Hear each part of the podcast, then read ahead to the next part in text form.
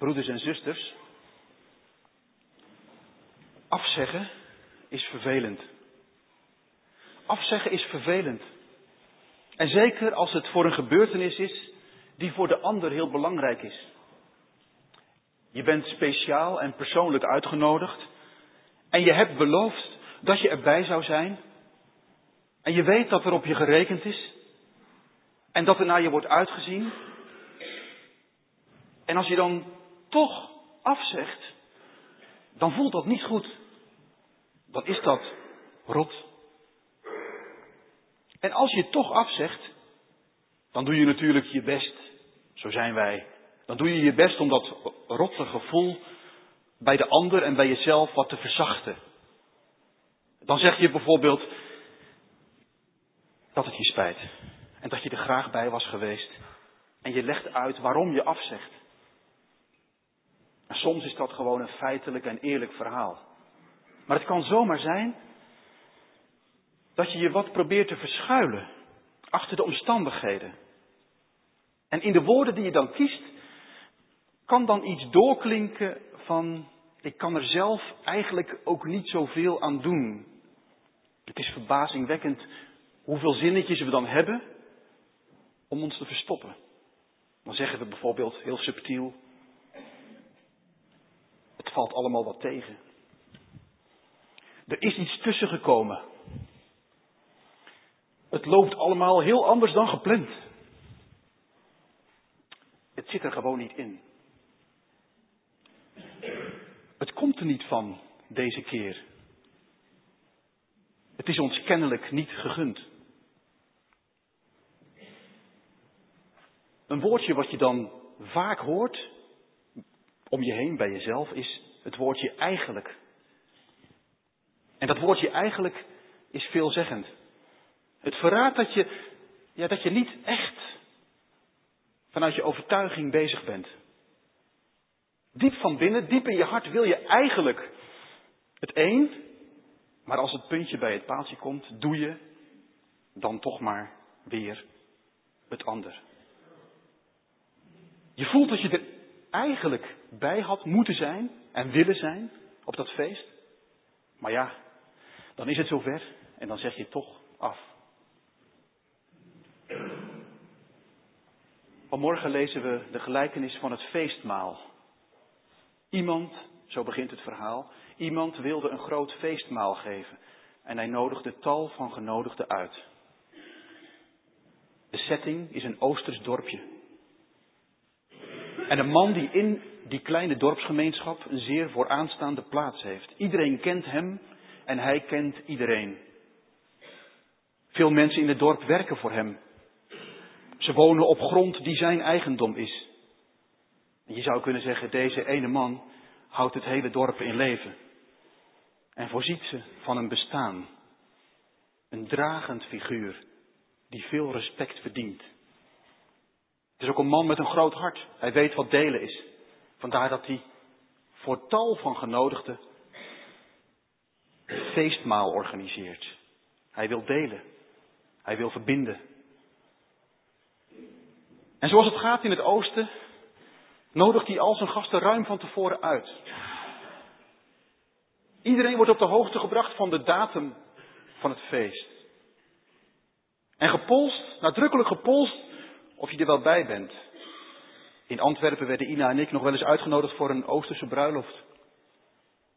Wij werden gezien als belangrijke gasten. Een trouwde meisje met wie we tien jaar waren opgetrokken. En dan kwamen ze echt drie, vier, vijf keer vragen: Ina, Jaap, je komt toch wel? Je bent er toch wel bij? Ja, ja, ja, we komen, we zijn erbij. En pas na drie, vier keer kregen we dan de officiële kaart in handen. Je bent er toch wel bij? Hier is de uitnodiging.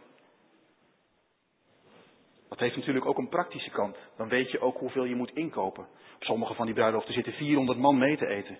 Wel fijn als je weet op hoeveel mensen je kunt rekenen. Zodat er in ieder geval voldoende is. Maar ook weer niet te veel, want in het Midden-Oosten van die tijd is er geen koeling. En als er echt veel te veel is, dan moet je het weggooien. Dat is zonde. Dus pols je vooraf iedere gast. Je komt toch wel? Je bent er toch wel bij? Dat heeft ook nog een andere, ander aspect. Het heeft in het Midden-Oosten ook te maken met eer en schaamte. Een goed bezocht feest, waar alle genodigden ook echt aanwezig zijn, dat is eervol voor de gastheer. Maar een feest waar heel veel genodigden toch niet komen opdagen en stoelen leeg blijven, dat is beschamend, beledigend, gênant en een schande voor de gastheer.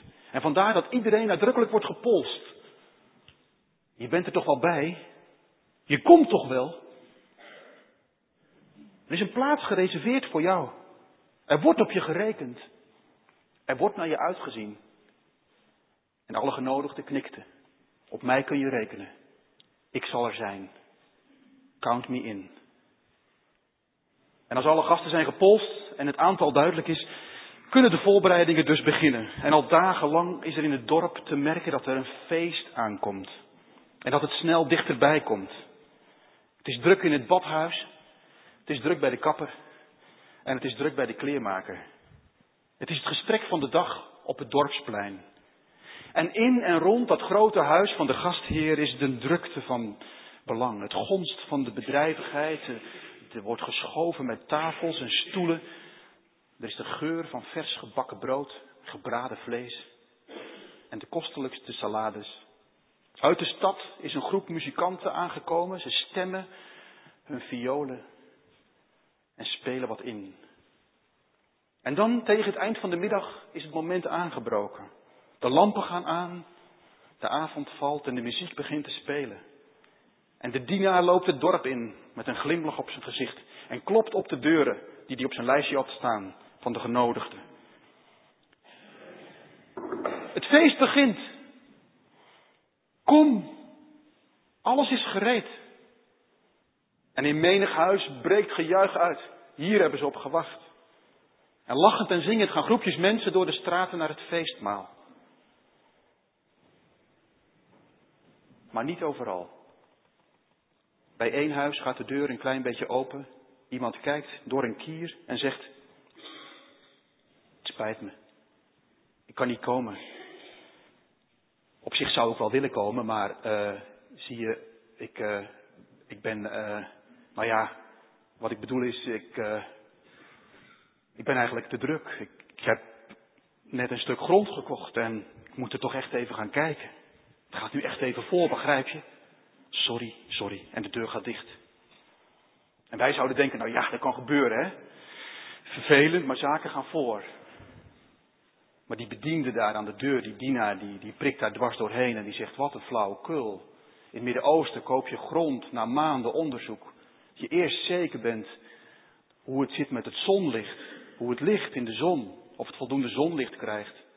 Hoe het zit met de bewatering. Of het de laatste jaren heeft opgebracht. Of er fruitbomen staan. Dan onderhandel je over de prijs. Dat duurt weken en weken. Je hebt het land al twintig keer gezien voordat je het koopt. Slap verhaal. Dan naar het volgende huis. Kom. Kom naar het feest. Alles is gereed. Er gaat een raam open. Dat is nou vervelend, joh. Dat het nou net zo loopt. Ik zou natuurlijk meteen met je mee willen gaan, maar ik heb een afspraak. Ik heb vijf paar ossen gekocht. Ploegbeesten. En ik moet ze gaan uitproberen, begrijp je? Echt zonde. Maar misschien de volgende keer. En de dienaar is niet achterlijk. Vijf paar ossen, die koop je, dat is een, een mega investering. Die ga je uitvoerig uitproberen voordat je ze koopt. Kijken of er geen verborgen gebreken zijn. Of ze samen een goed team vormen. Dan over de prijs praten. En dan koop je ze pas. Onzin. Op het derde adres blijft de deur zelf dicht en vanuit het slaapvertrek roept iemand, terwijl er een vrouw op de achtergrond giechelt. Ik ben net getrouwd, man. Ik heb nu heel andere dingen aan mijn hoofd. Begrijp je? Wij zouden denken, witte broodsweken moet kunnen. Maar in zo'n klein dorp is de kans dat iemand echt kort daarvoor getrouwd is nul. In zo'n klein dorp spreid je de feesten over het jaar. Dan een groot feest, dan een hele poos niks, dan weer een feest. Doordat ieder feest voldoende aandacht krijgt. Die man is dus al lang geleden getrouwd. En dan nog, om zo openlijk vanuit je slaapvertrek te praten over druk zijn met je vrouw. Het is in het oosten echt plat, vloers en grof. Dat doe je daar niet. Schaamteloos. Ik wil nog even stilstaan met u bij wat, stilstaan met u bij wat hier nu echt gebeurt. En het wat dichter bij onszelf trekken. Naar onszelf toe halen. Die mensen die zich verontschuldigen, die hebben ooit wel braaf geknikt toen ze gepolst werden. En nu komt het moment dat ze echt kunnen komen en dan doen ze het niet. En ik vroeg me af, deze week bekroop mij het verontrustende gevoel dat dat bij mij en bij u misschien ook te vaak zo is. Dat we in het algemeen de beste bedoelingen hebben. En dat we eigenlijk, daar heb je het woordje weer, eigenlijk wel heel graag vanuit ons hart willen leven. En vanuit ons geloof. Maar als er zich dan vandaag of morgen een concrete situatie zich voordoet waarin er iets van ons wordt gevraagd, dan gaan we er zomaar aan voorbij. Betalen 80 euro voor een heel duur vioolconcert, maar als diezelfde muziek door de week opeens opklinkt, herkennen we het soms helemaal niet. Ik wil God liefhebben boven alles. En mijn, en mijn naaste als mijzelf. Maar wat merkt die ene collega ervan op uw werkvloer die iedereen links laat liggen omdat hij ongemakkelijk is en irritant en cynisch en verbitterd? Natuurlijk wil ik een trouw volgeling van Jezus zijn. Maar is dat ook te merken in mijn gezin vandaag en in het uwe? Er is een bekende slogan die zegt: Life is what happens to you while you are busy making other plans. Leven is dat wat gebeurt voor je ogen terwijl je in je hoofd hele mooie plannetjes maakt. En de vraag is dus, ben ik en ben u bereid, bent u bereid om u uit uw plannen, voornemens en drukke, drukke, drukke leven los te laten scheuren en eenvoudig te doen wat gedaan moet worden? er echt even met hart en ziel te zijn voor die ene mens die deze week je pad kruist en je echt even nodig heeft en echt die aandacht nodig heeft. God spreekt ons aan in de kerkdienst, mag ik hopen, en in uw stille tijd. Maar hoor je zijn stem ook in de mens die je pad kruist, in een situatie waarin iets van je gevraagd wordt. De dienaar gaat hoofdschuddend en met lood in zijn schoenen terug naar zijn Heer. En of deze mensen het nu in de gaten hebben of niet, ze trappen op zijn hart. En dat doet pijn. En daar word je boos van. De Heer ontsteekt in woede. Hij wordt diep geraakt. Hij denkt niet voor jullie tien anderen. Nee, deze afzeggers. Hij heeft iets met ze, want ze leven op zijn grond. En ze danken hun bestaan aan hem. En ze plukken dagelijks de vruchten van zijn goedheid. Hij geeft om ze. En ze laten hem staan. Ze laten stoelen leeg op het feest. En daarmee zetten ze de Heer in zijn hemd. En vertrappen ze zijn goedheid. En zeggen ze, wij vinden iets anders belangrijker. En nu zou je verwachten dat deze Heer in zijn woede zou richten op die afzeggers. Hij zou alle middelen hebben. Het is een machtig man. Hij zou ze het leven zuur kunnen maken tot ze, tot ze het dorp uitgepest zouden worden. Hij zou ze kunnen dwarszitten. Hij zou ze kunnen pesten. Hij zou ze kunnen intimideren. Hij zou drie dienaren, vijf dienaren naar ze toe kunnen sturen en ze dwingen om toch te komen. Hij zou ze, hij zou ze kunnen laten betalen voor reputatieschade. Hij zou alle violen van zijn toorn over hem kunnen uitgieten, maar dat doet hij niet. Hij ontsteekt in woede en hij is diep geraakt. Maar er is iets in deze gastheer wat zo goed is. En die goedheid van hem overwint zijn woede. Zodat hij al die energie die vrijkomt richt op iets goeds. En hij stuurt zijn dienaar opnieuw naar buiten en hij zegt, ga nu naar de stad. En dat doet hij. En hij klopt aan bij de kleinste huisjes en de gammelste krotjes. Kom naar het feest. Alles is gereed. En daar geen slappe verhalen. Daar geen uitvluchten. Enkel verwondering. En met beide handen wordt die uitnodiging aangenomen. En even later komt er een wonderlijke stoet op gang vanuit de achterbuurten van de stad naar het huis van de Heer. Lammen, blinden, kreupelen en armen. Een zootje ongeregeld. Niet op hun best gekleed, gewoon zoals ze zijn. En als er dan nog steeds lege plaatsen zijn, gaat de dienaar opnieuw naar buiten. Nu buiten de stad, naar kolonies Melaatsen. Die uit de stad zijn geduwd. De aller, allerberoerdsten. Die ziek zijn en vies en vuil. De paria's. Het uitschot. En deze groep moet echt bij de hand worden genomen.